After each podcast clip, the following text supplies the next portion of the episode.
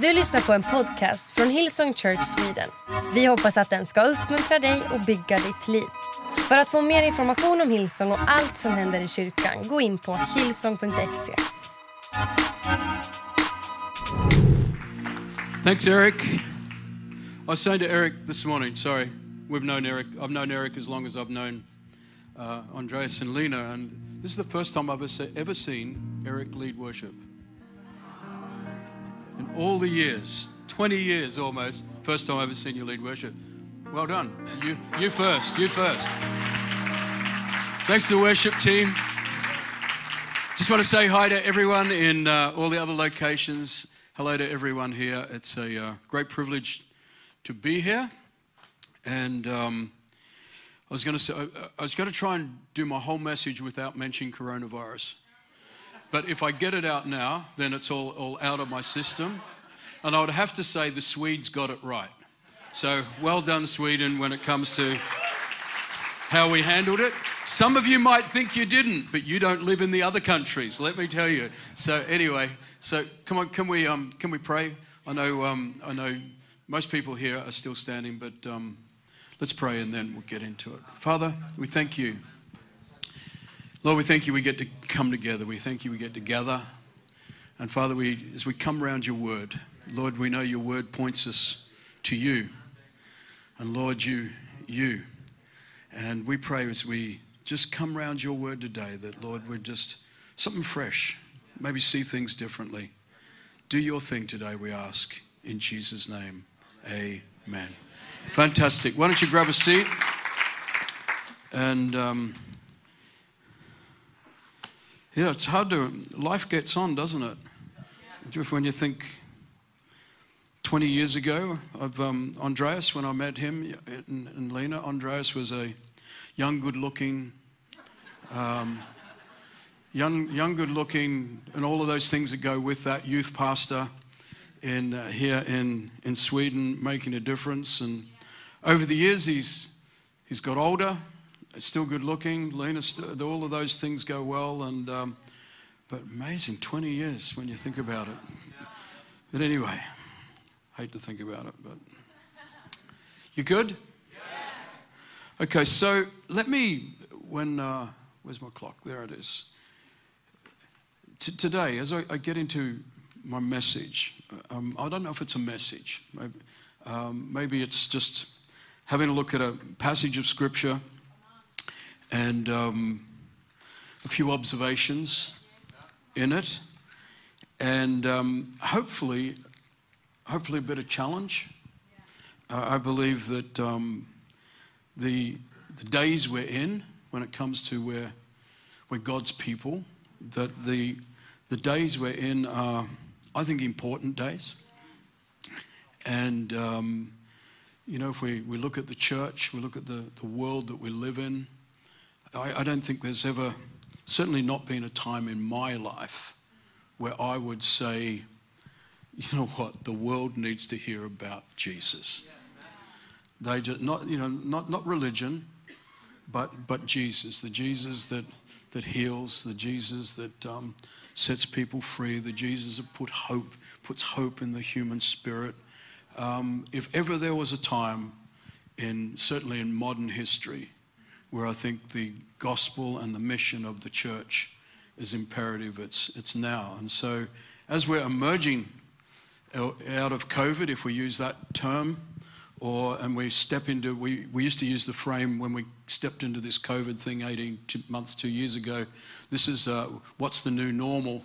We've moved away from what's the new normal to what's the next normal.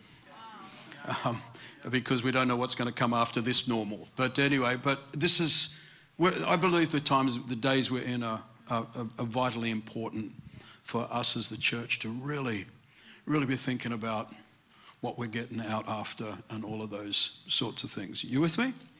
All right, so, so track with me. I'm going to, um, we'll, let's pick up passage of scripture, Matthew chapter 9. And um, maybe let me read it through first. That way, if I don't, I'll get sidetracked and uh, we might not finish reading it. So, it's starting in verse 9, I'm going to read through to uh, verse, verse 13. And it says this As Jesus was walking along, he saw a man named Matthew sitting in his tax collector's booth. Follow me and be my disciple, Jesus said to him. So Matthew got up and followed him. Later, Matthew invited Jesus and his disciples to his home as dinner guests, along with many other tax collectors and other disreputable sinners. But when the Pharisees saw this, they asked his disciples, Why does your teacher eat with such scum? When Jesus heard this, he said, Healthy people don't need a doctor, sick people do. Then he added, Now go and learn the meaning of this scripture. I want you to show mercy, not offer sacrifices, for I've come not to call, I've come to call not those who think they are righteous, but those who know that they are sinners. Right, so let me just, what I want to do is I just want to unpack this, this, uh, this few, few, verses here. And as I said, a few, few observations and we go there. So let's just, let's go, go right back to the top. It says, as Jesus. So let's just, just focus on him for a moment, just Jesus. Um, Jesus. Um, who is Jesus? The Colossians chapter, chapter 1 and verse 15 says that Jesus is the visible image of the invisible God. Um, Hebrews chapter 1, verse 3 says that Jesus is the very essence of God. In other words, he's, he's, he, in him you see he's very whom God is. Um, there's, I could go through and I could spend all my, all, my, all my time on going through all the scriptures that point to that Jesus is actually God. That Jesus is the God who took on human form to reveal himself to us. He's, he's, he's the one, if we want to know, if we want to know what, what God thinks about things, the best place to look to is what does Jesus think about things? Uh, if, we, if we want to know what does, what's God got to say about things on certain issues, then the best, one, best thing to look to is what has Jesus got to say about those those certain images, if we wanted to, issues, if we wanted to know how would God, how would God treat someone else? Well, have a look at how Jesus treated people. If you want to know how God would treat you, then look at how did Jesus treat people. How do I know what God's voice sounds like? We all struggle with that. What's the voice of God sound like? I don't know, but if it doesn't sound like Jesus, it may not be God. Uh, so Jesus is our Jesus is our reference point, not just a reference point so we can go, oh, if I can understand Jesus now, I can understand God. No, it's God took on human form so that we could identify with God and understand Him, understand who who He is, and um, you, you, get what I'm trying to say, right? So, so we got Jesus. Um, you get to the end of the very last verse of the Gospel of John. And as John goes through and he sort of he sort of unpacks through the Gospel of John, it starts with in the beginning, right? And then goes and then talks about how God took on human form. He then dwelt amongst us, revealed God to us, did so many different things, all of those things. Then you get to the end of John the Gospel of John, and it says, so many things. Uh, no, if I got to quote it correctly, right? So, so many things did Jesus do, right? So we could look at the Gospels and read them and go, well, that's what Jesus did. No, that's what they recorded about what Jesus did because they wanted to portray something about him, right? But it says, so many things did Jesus do that perhaps all the books in the world could not contain the amount of things that he did. Now, scholars and historians will tell us that, um, that he, he, was prolific when it come to healing. Um, we read in the scriptures and says, and, and the multitudes come out and Jesus healed them all. And I don't know what your mind goes to when you, when you hear that, but I don't know whether our mind goes to how prolific Jesus was when it comes to healing people, his impact on, on human beings. I was reading one historian who he said that he believes that um, such was the impact of, um, of Jesus in his time and his day because the plague then was, was rife through that whole area, that Jesus' presence and his healing actually mitigated the, the impact of the plague on people. That's, that's, how, that's how prolific he was. So, in other words, if, if, he's, if he's coming to reveal God to us, it was pretty wow. This is, this is pretty wow. In fact, if you look at the things that he taught and the way he taught and the things that he, he, he, he taught about, he took many of the things that the people of the day saw and completely turned it upside down. He said, Well, you think this, but then I say this. You, the, the, this is what people say, but I say this. He turned so many things upside down. He was just completely prolific in, in, his, in what he did when it comes to healing and all of that. And I'm saying all of that to say, if you really want to get a good picture of God, you have to look at Jesus. And, and how we see him, how we see him has an incredible impact on the way we live our lives and the way we follow him and all of those sorts of things, right? So, anyway, so we're starting with Jesus. And the reason why I'm saying that is because if you read, let me read the first passage of the scripture again. It says here, it says, As Jesus was walking along, he saw a man named Matthew sitting in a tax, tax collector's booth. Follow me and be my disciple, Jesus said to him. So Matthew got up and followed him. Now, first question is who does that? Who does that? Here I am, taxes please, taxes please, taxes please. Some dude walks along. Hey, come follow me. Oh, okay. Where are we going? Uh, it, you don't do that, accepting the fact that I don't think Matthew was ignorant of who Jesus was. In fact, I think probably Matthew's response was more along the line of, Who, me? Don't, don't you know who I am? I'm a, I'm a tax collector. I'm a tax collector. Who, why would you and the things I've heard about you say to me, come follow me? Right? And so, then the other interesting thing about this passage of scripture is, is this is Matthew talking about his encounter. If we were to put it in our today's um, conversation, it's almost like this is Matthew giving his testimony. Yeah. This is how it all began for Matthew. Right? And so, so if we look at it and we read through this passage of scripture now, this is how I want to sort of look at it. This is how it all began f- for Matthew in one sense, but this is almost like the beginning of something that we're all now a part of. You're tracking with me?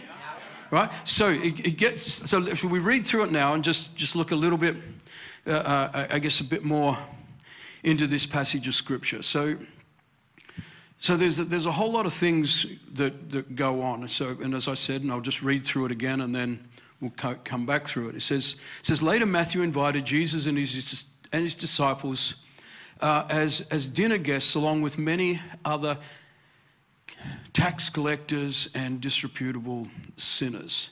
The Pharisees were there. Have you noticed the Pharisees are always everywhere? right? There's not much goes on without the Pharisees turning up, right?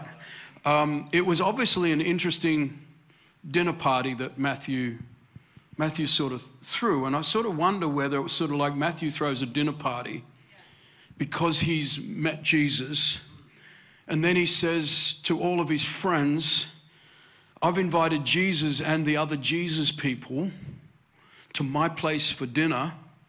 Why don't you come and meet him too?" And by the way, the Pharisees heard and they're coming as well, so we'll see what they've got to say about things. Right? And, and so then, then he, it goes on, and then, and then the Pharisees spoke up and, uh, and they asked the disciples, Why does your teacher eat with such scum? When Jesus heard this, he says, Healthy people don't need a doctor, but sick people do. Then he added, Now go and learn the meaning of this scripture. I want you to show mercy, not offer sacrifices.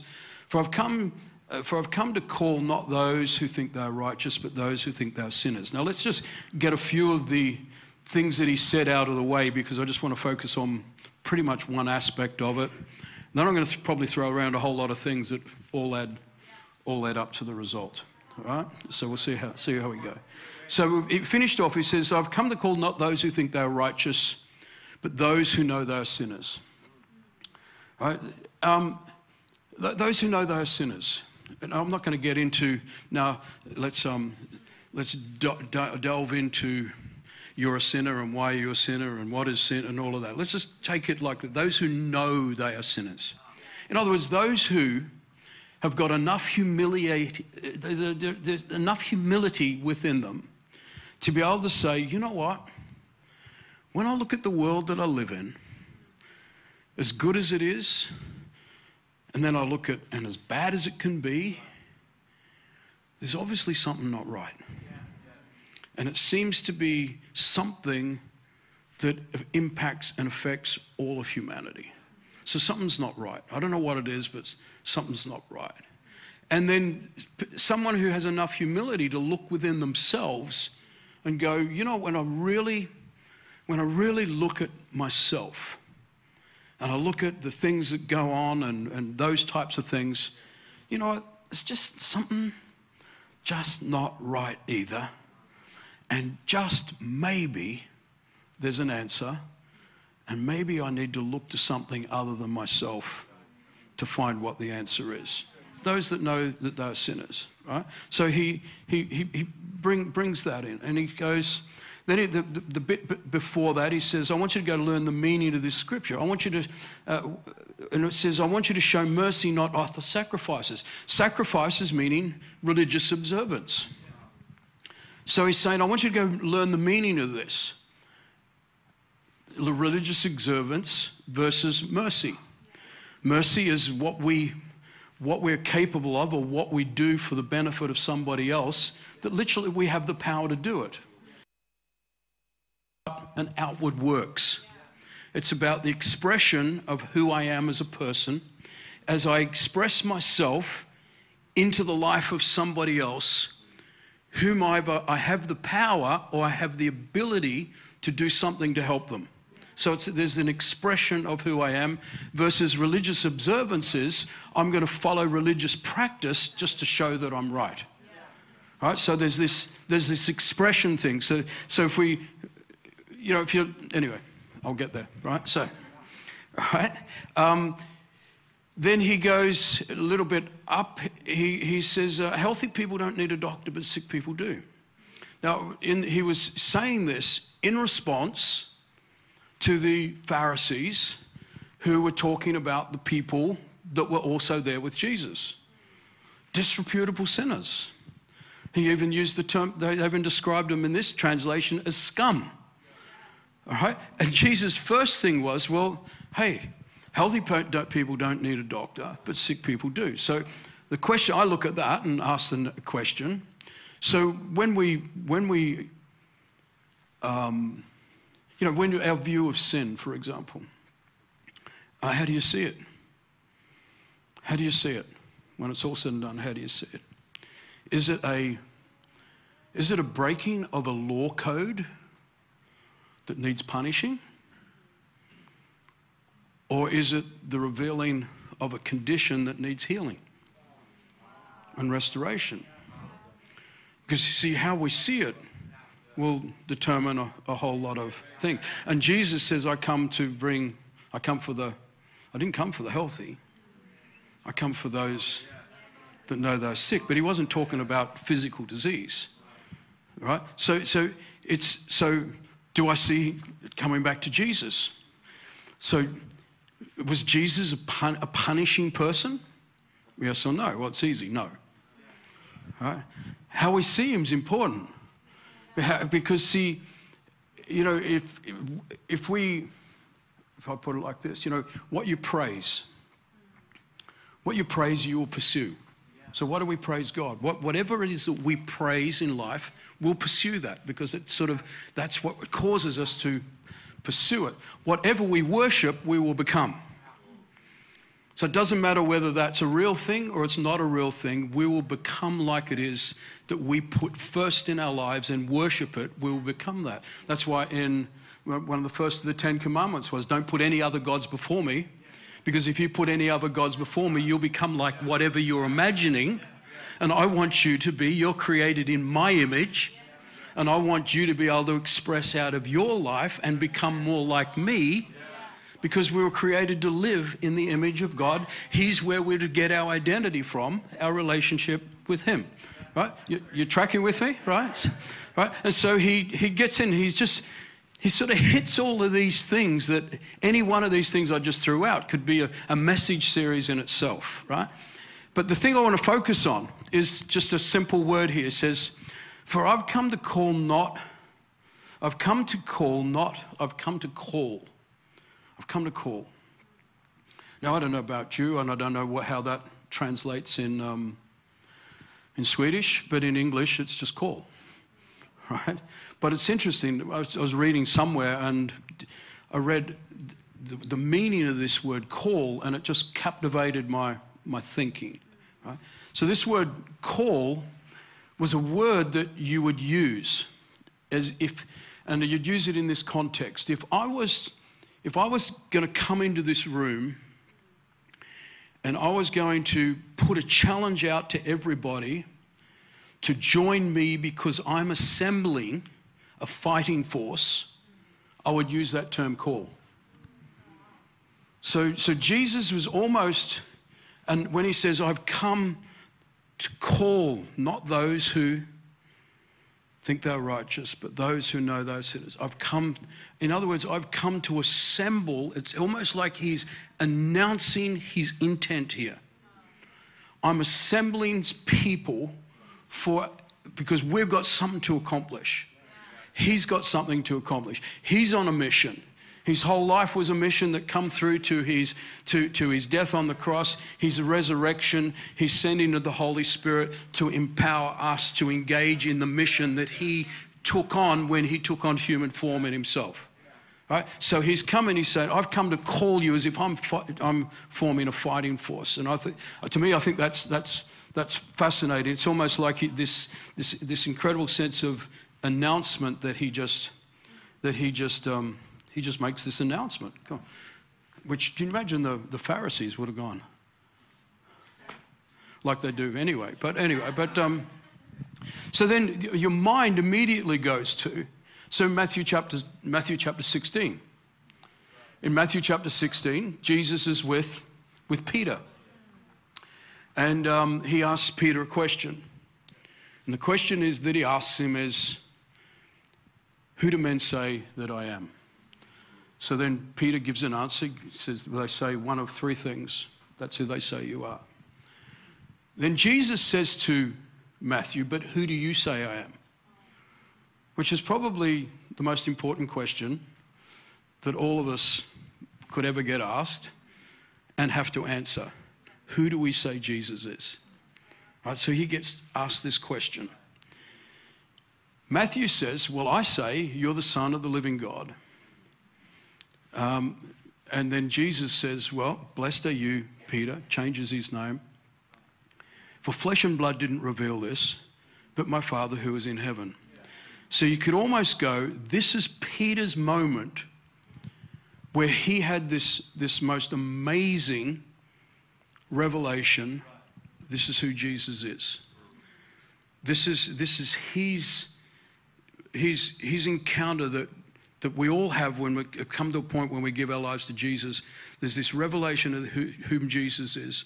We make a decision to place our lives in His hands, and it begins a transformational process in our lives that we know is going to be completed in, in the end. So, Peter stepping into this, I know who Jesus is, and it wasn't, people didn't tell me, I've just had this revelation.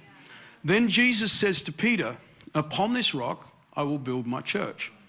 Right? Upon this rock, this upon this rock, people who have had a personal revelation of who Jesus is and have decided to follow him, he's going to build his church. Now, I realize I'm teaching ducks to quack here at the moment, right? You think, oh, we're back in, in, in children's church. But anyway, but, um, but so then, then that, that, that word church you know, so I'm going to sound like I'm smart. There's a Greek word for church and it means ecclesia. And then we all go, oh, yeah, he's smart because he used Greek. Right? He's, just, he's, a, he's a Bible scholar, he can use Greek. Yeah, that's the limit of my Greek. Oh, agape is another one that kicks into it as well, right? So, um, and Athens and whatever else. So, But this, this word church was a secular, it wasn't a, it wasn't a Bible word. He used a secular word. And the secular word meant this is gathering a group of people for an expressed purpose.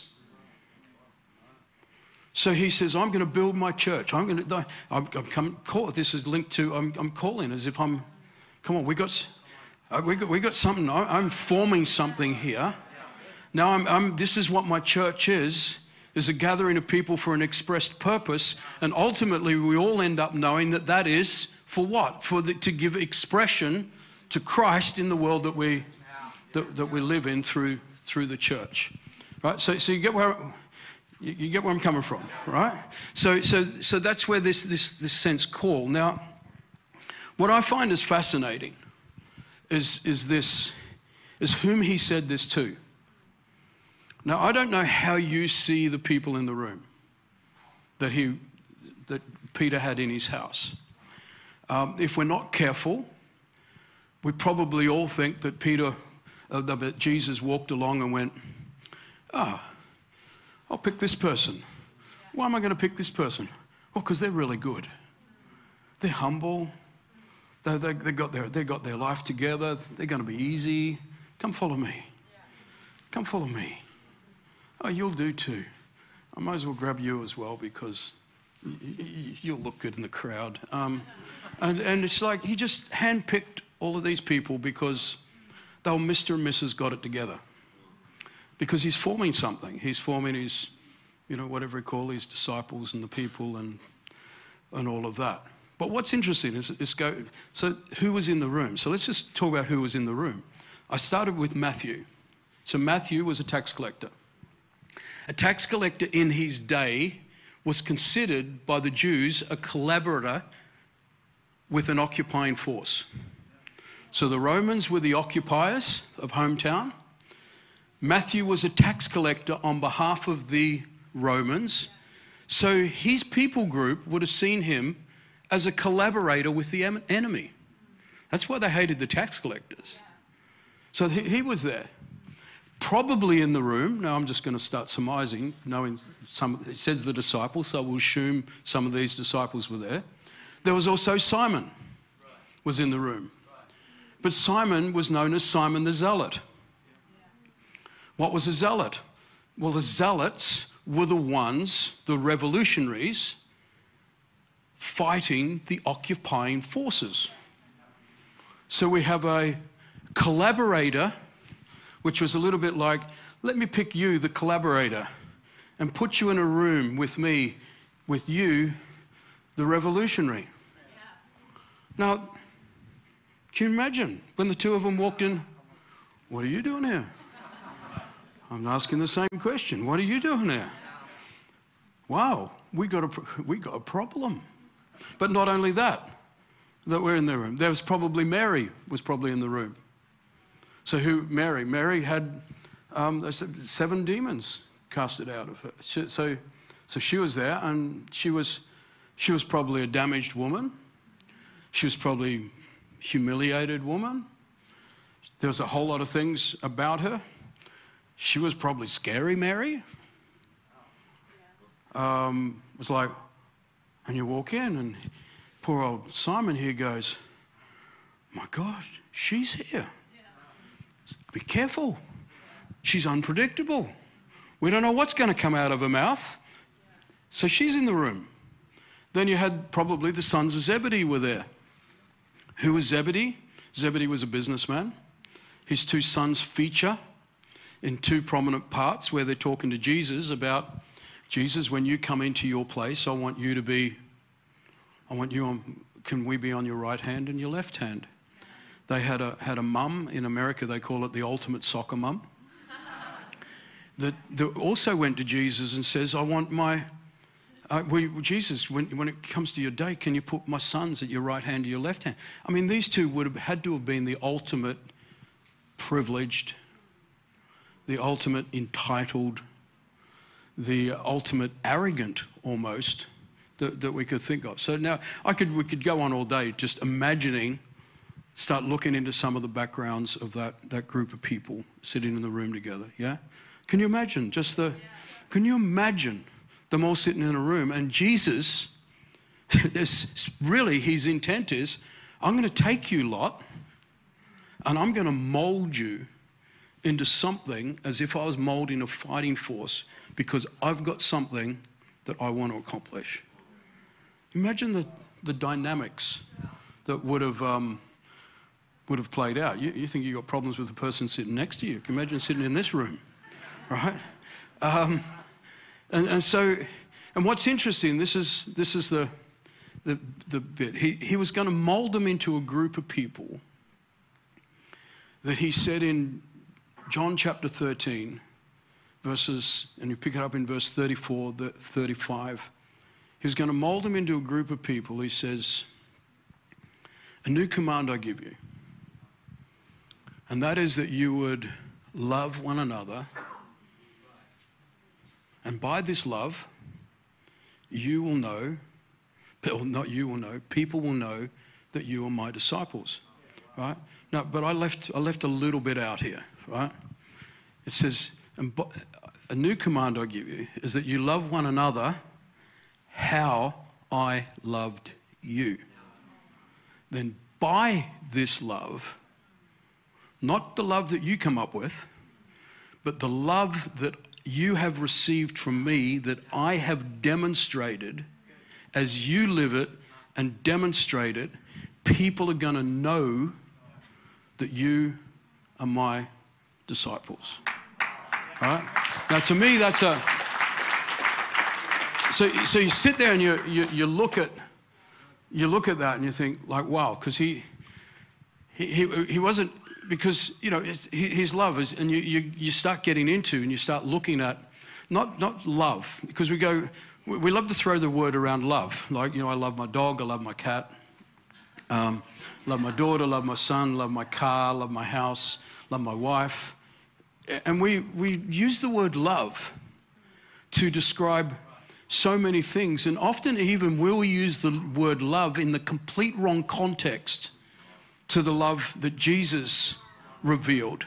Because we'll often, we love things because of what they do for us. There's a, there's a reciprocal benefit here. I'll love this because it does something for me. But, the, but Jesus' love, everything, everywhere was, was other focused.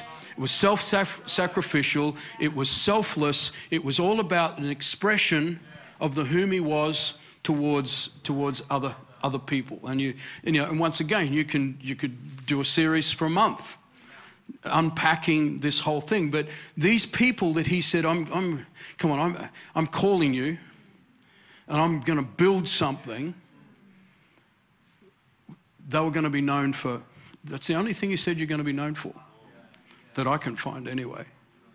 That your, your, your love for one another based on how Jesus loved me. Colossians um, chapter 3, verse 14 says, says, Love is supreme. Right? Love is, love is the true. Um, is, is, the, is the true mark of Christian maturity. If we understand that, so it's a, it's a powerful thing, right? So then getting back to why it's so important to look at how Jesus loved, right? Because how we see him has profound impact. This music means finish. This is what this is interpreted means. Message is nearly over. I'm playing the song to get you so you know you know he's getting off soon and he knows he's got to get off soon. All right? Sorry, sorry. But um, anyway, I just wasted 30 seconds trying to explain why you're up here. But, um, right, so, so you, you, you, you, grab, grab this, your mental picture of God, because see, it, it has such an impact on, on, your, on your life if you, as I said, you, you see him as a God who's a, who's a punisher, guess what you become? You become a punisher. You see God as a, as a loving God. What do you become? You see someone who's, who, who, who loves. You see, see God as, a, as retributive, and what do you become? You become retributive. If, if you see God as, as vengeful, what do you, what do you, what do you become? You become vengeful. And so many the things that Jesus talked about he completely turned upside down how people saw God. And so our mental representation of God is, is really, really, really powerful.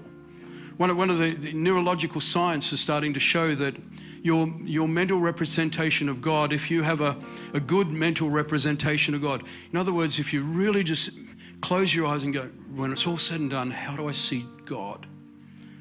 If it's, if it's a loving perspective, how you see Him, it actually has a, a determines, believe it or not, how you hand, handle complex matters, whether you can handle them objectively or it rattles you. There's so many, so much proof that they're starting to discover the impact of just how you see God, right? That's why the important thing here that I'm just trying to highlight in this, with this group of people, he's put together almost everyone in society that we would hate and would naturally hate each other. That's how I look at it and pulled them together. And from its inception, he's showing how his love, when it is correctly expressed, has the ability to heal, has the ability to transform, has the ability to unite, has the ability to bring people together. Has, instead of seeing people divided, it has the ability to, to unify. It's, it's such a, uh, it's just a, just a, a super, super powerful thing. So you're tracking, tracking with me? And so, so now I come back to where I said, I just believe the world, the, world needs to get to know Jesus in a really authentic way. Because there's so much. Can you imagine in this with this group of people? Can you imagine the potential combativeness that was within the group? Can you imagine the, the amount of um, you know, cancel culture would have just been, oh, dude, we've got this, we've got this zealot here. What are we going to do with him? I don't know. I'm trying to work out what we do with the tax collector.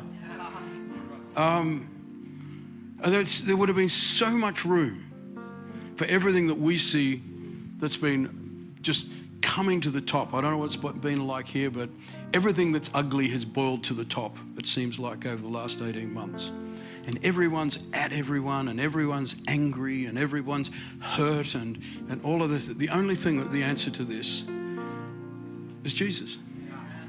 As this, this, anyway, I'm now I'm still teaching ducks to quack. I know I'm supposed to be saying something profound, but um, all right. So now let me just follow on, and hopefully I've given you enough to sort of go.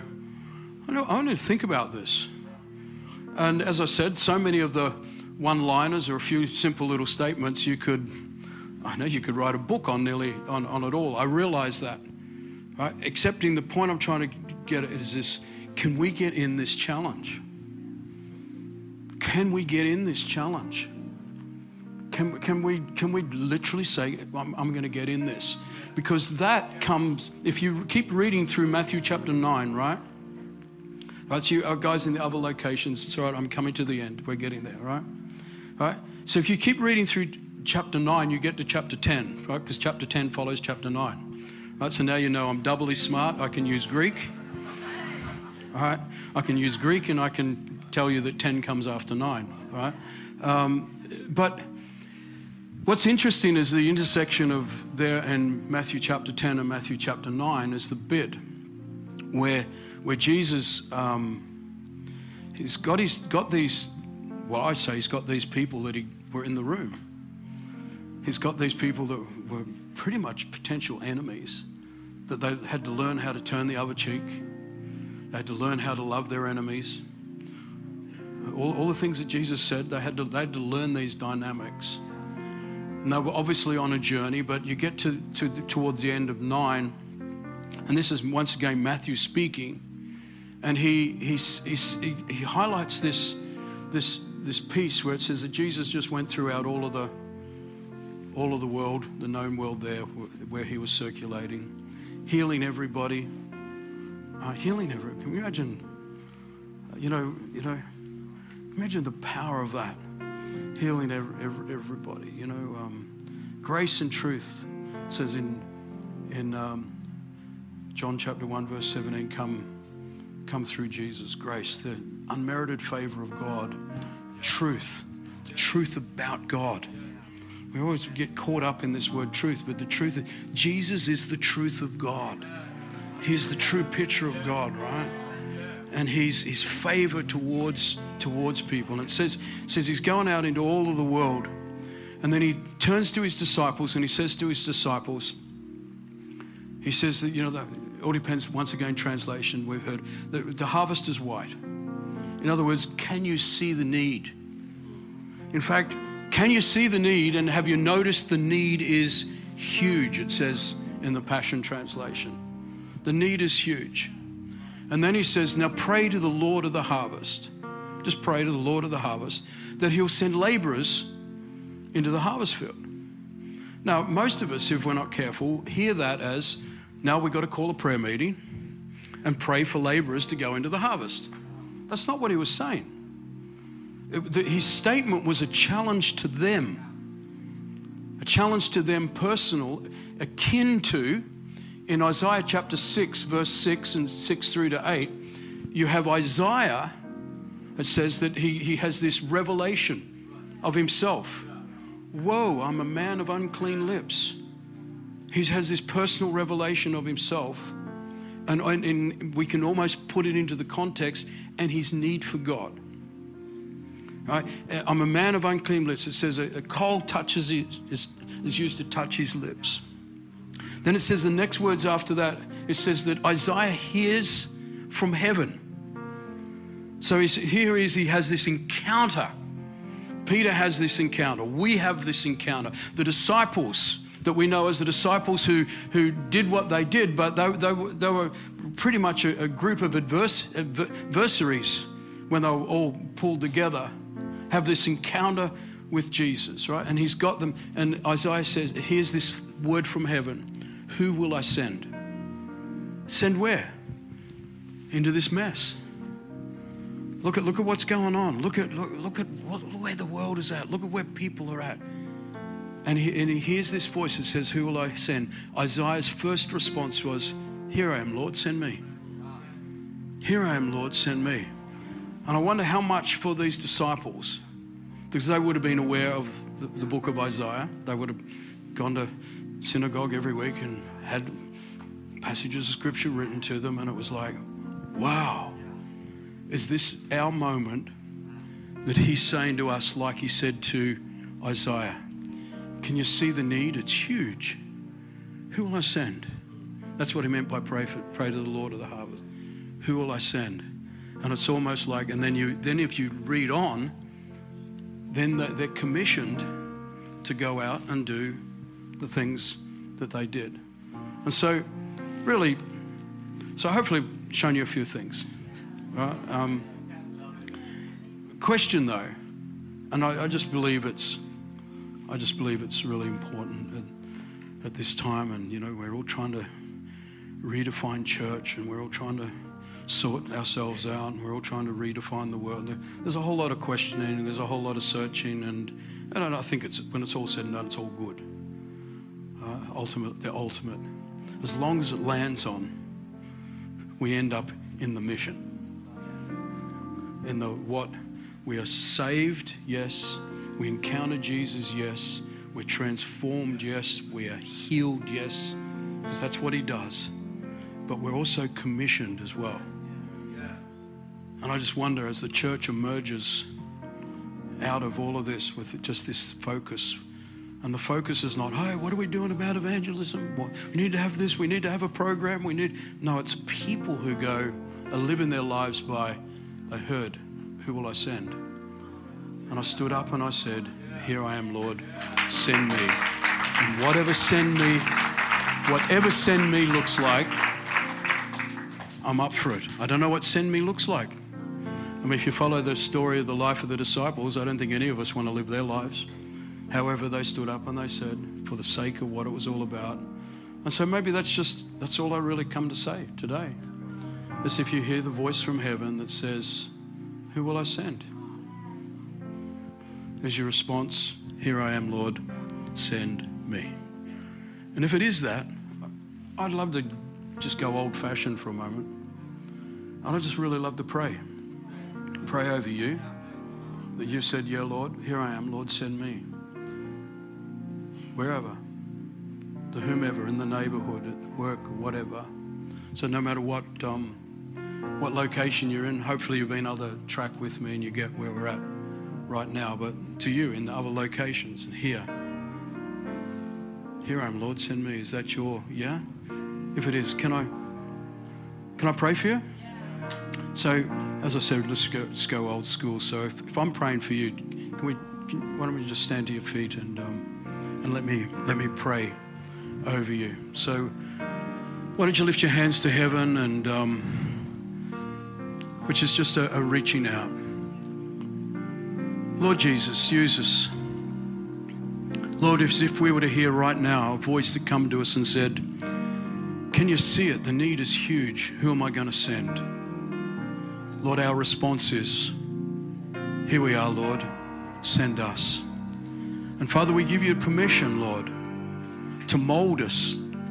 Lord, the same way as you molded those group of disciples and those people that you that you had around you, you molded them into a group of people that represented you. They represented and expressed the love of God that was demonstrated to us through you, Jesus, and experienced, experienced. Lord, mold us, shape us, but Lord, we say, here we are, Lord, send us. In Jesus' name, amen. Du har lyssnat till en podcast från Hillsong Church Sweden. Om du vill veta mer om vår kyrka eller om våra söndagsmöten surfa in på hillsong.se.